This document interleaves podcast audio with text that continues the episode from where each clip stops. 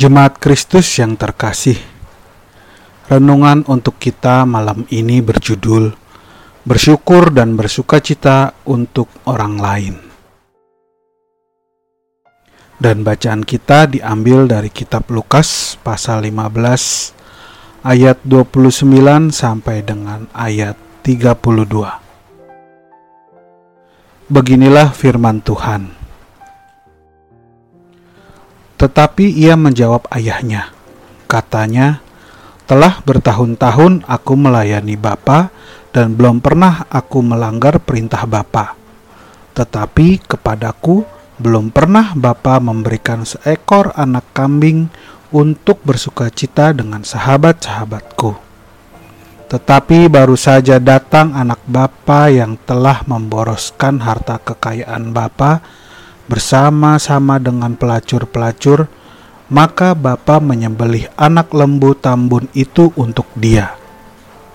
Kata ayahnya kepadanya, "Anakku, engkau selalu bersama-sama dengan aku, dan segala kepunyaanku adalah kepunyaanmu.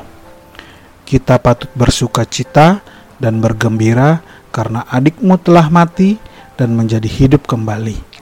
Ia telah hilang dan didapat kembali. Bacaan kita kali ini adalah bagian dari kisah Alkitab yang cukup terkenal, yaitu perumpamaan anak yang hilang.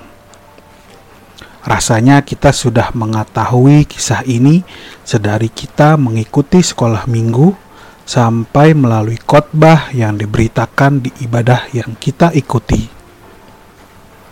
Kisah ini berbicara tentang pengampunan yang diberikan seorang ayah kepada anaknya yang bisa dikatakan nakal dan tidak taat sebagai penggambaran relasi Allah dengan manusia yang telah menyia-nyiakan karunia yang dianugerahkan Tuhan kepadanya.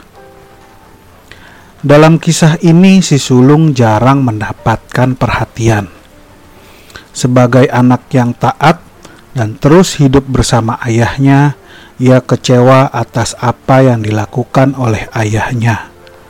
Ia merasa apa yang ia terima tak sebanding dengan apa yang diterima oleh adiknya yang telah kembali tersebut. Bila kita berpikiran dengan cara pikir manusia, maka kita akan menilai kekecewaan si sulung adalah hal yang wajar dan melihat bungsu ini menjadi anak yang terlalu dimanja. Namun demikian ayahnya mengingatkan si sulung bahwa apa yang ada di rumah itu adalah kepunyaannya. Tak ada yang melarang untuk ia berbuat sesuatu terhadap kepunyaan bapaknya. Taruhlah untuk menyembelih hewan untuk ia makan. Kisah ini mengajarkan kepada kita bahwa tanpa sadar kita tak bersyukur terhadap apa pun yang kita miliki. Berkat dan segala sesuatu yang kita terima tak terlihat karena kita sibuk dengan aktivitas dan rutinitas kita.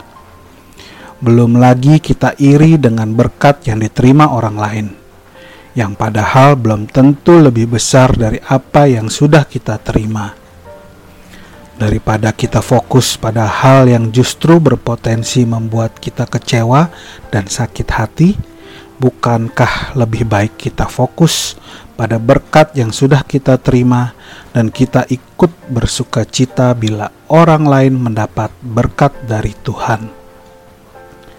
Bukankah hidup menjadi lebih indah bila semua orang hidup dalam berkat Tuhan? Demikianlah renungan malam ini. Semoga damai sejahtera dari Tuhan Yesus Kristus tetap memenuhi hati dan pikiran kita. Amin. Jemaat yang terkasih, mari kita bersatu hati, masing-masing menaikkan pokok-pokok doa yang ada di dalam gerakan doa 21 GKI Sarwa Indah. Mari kita berdoa.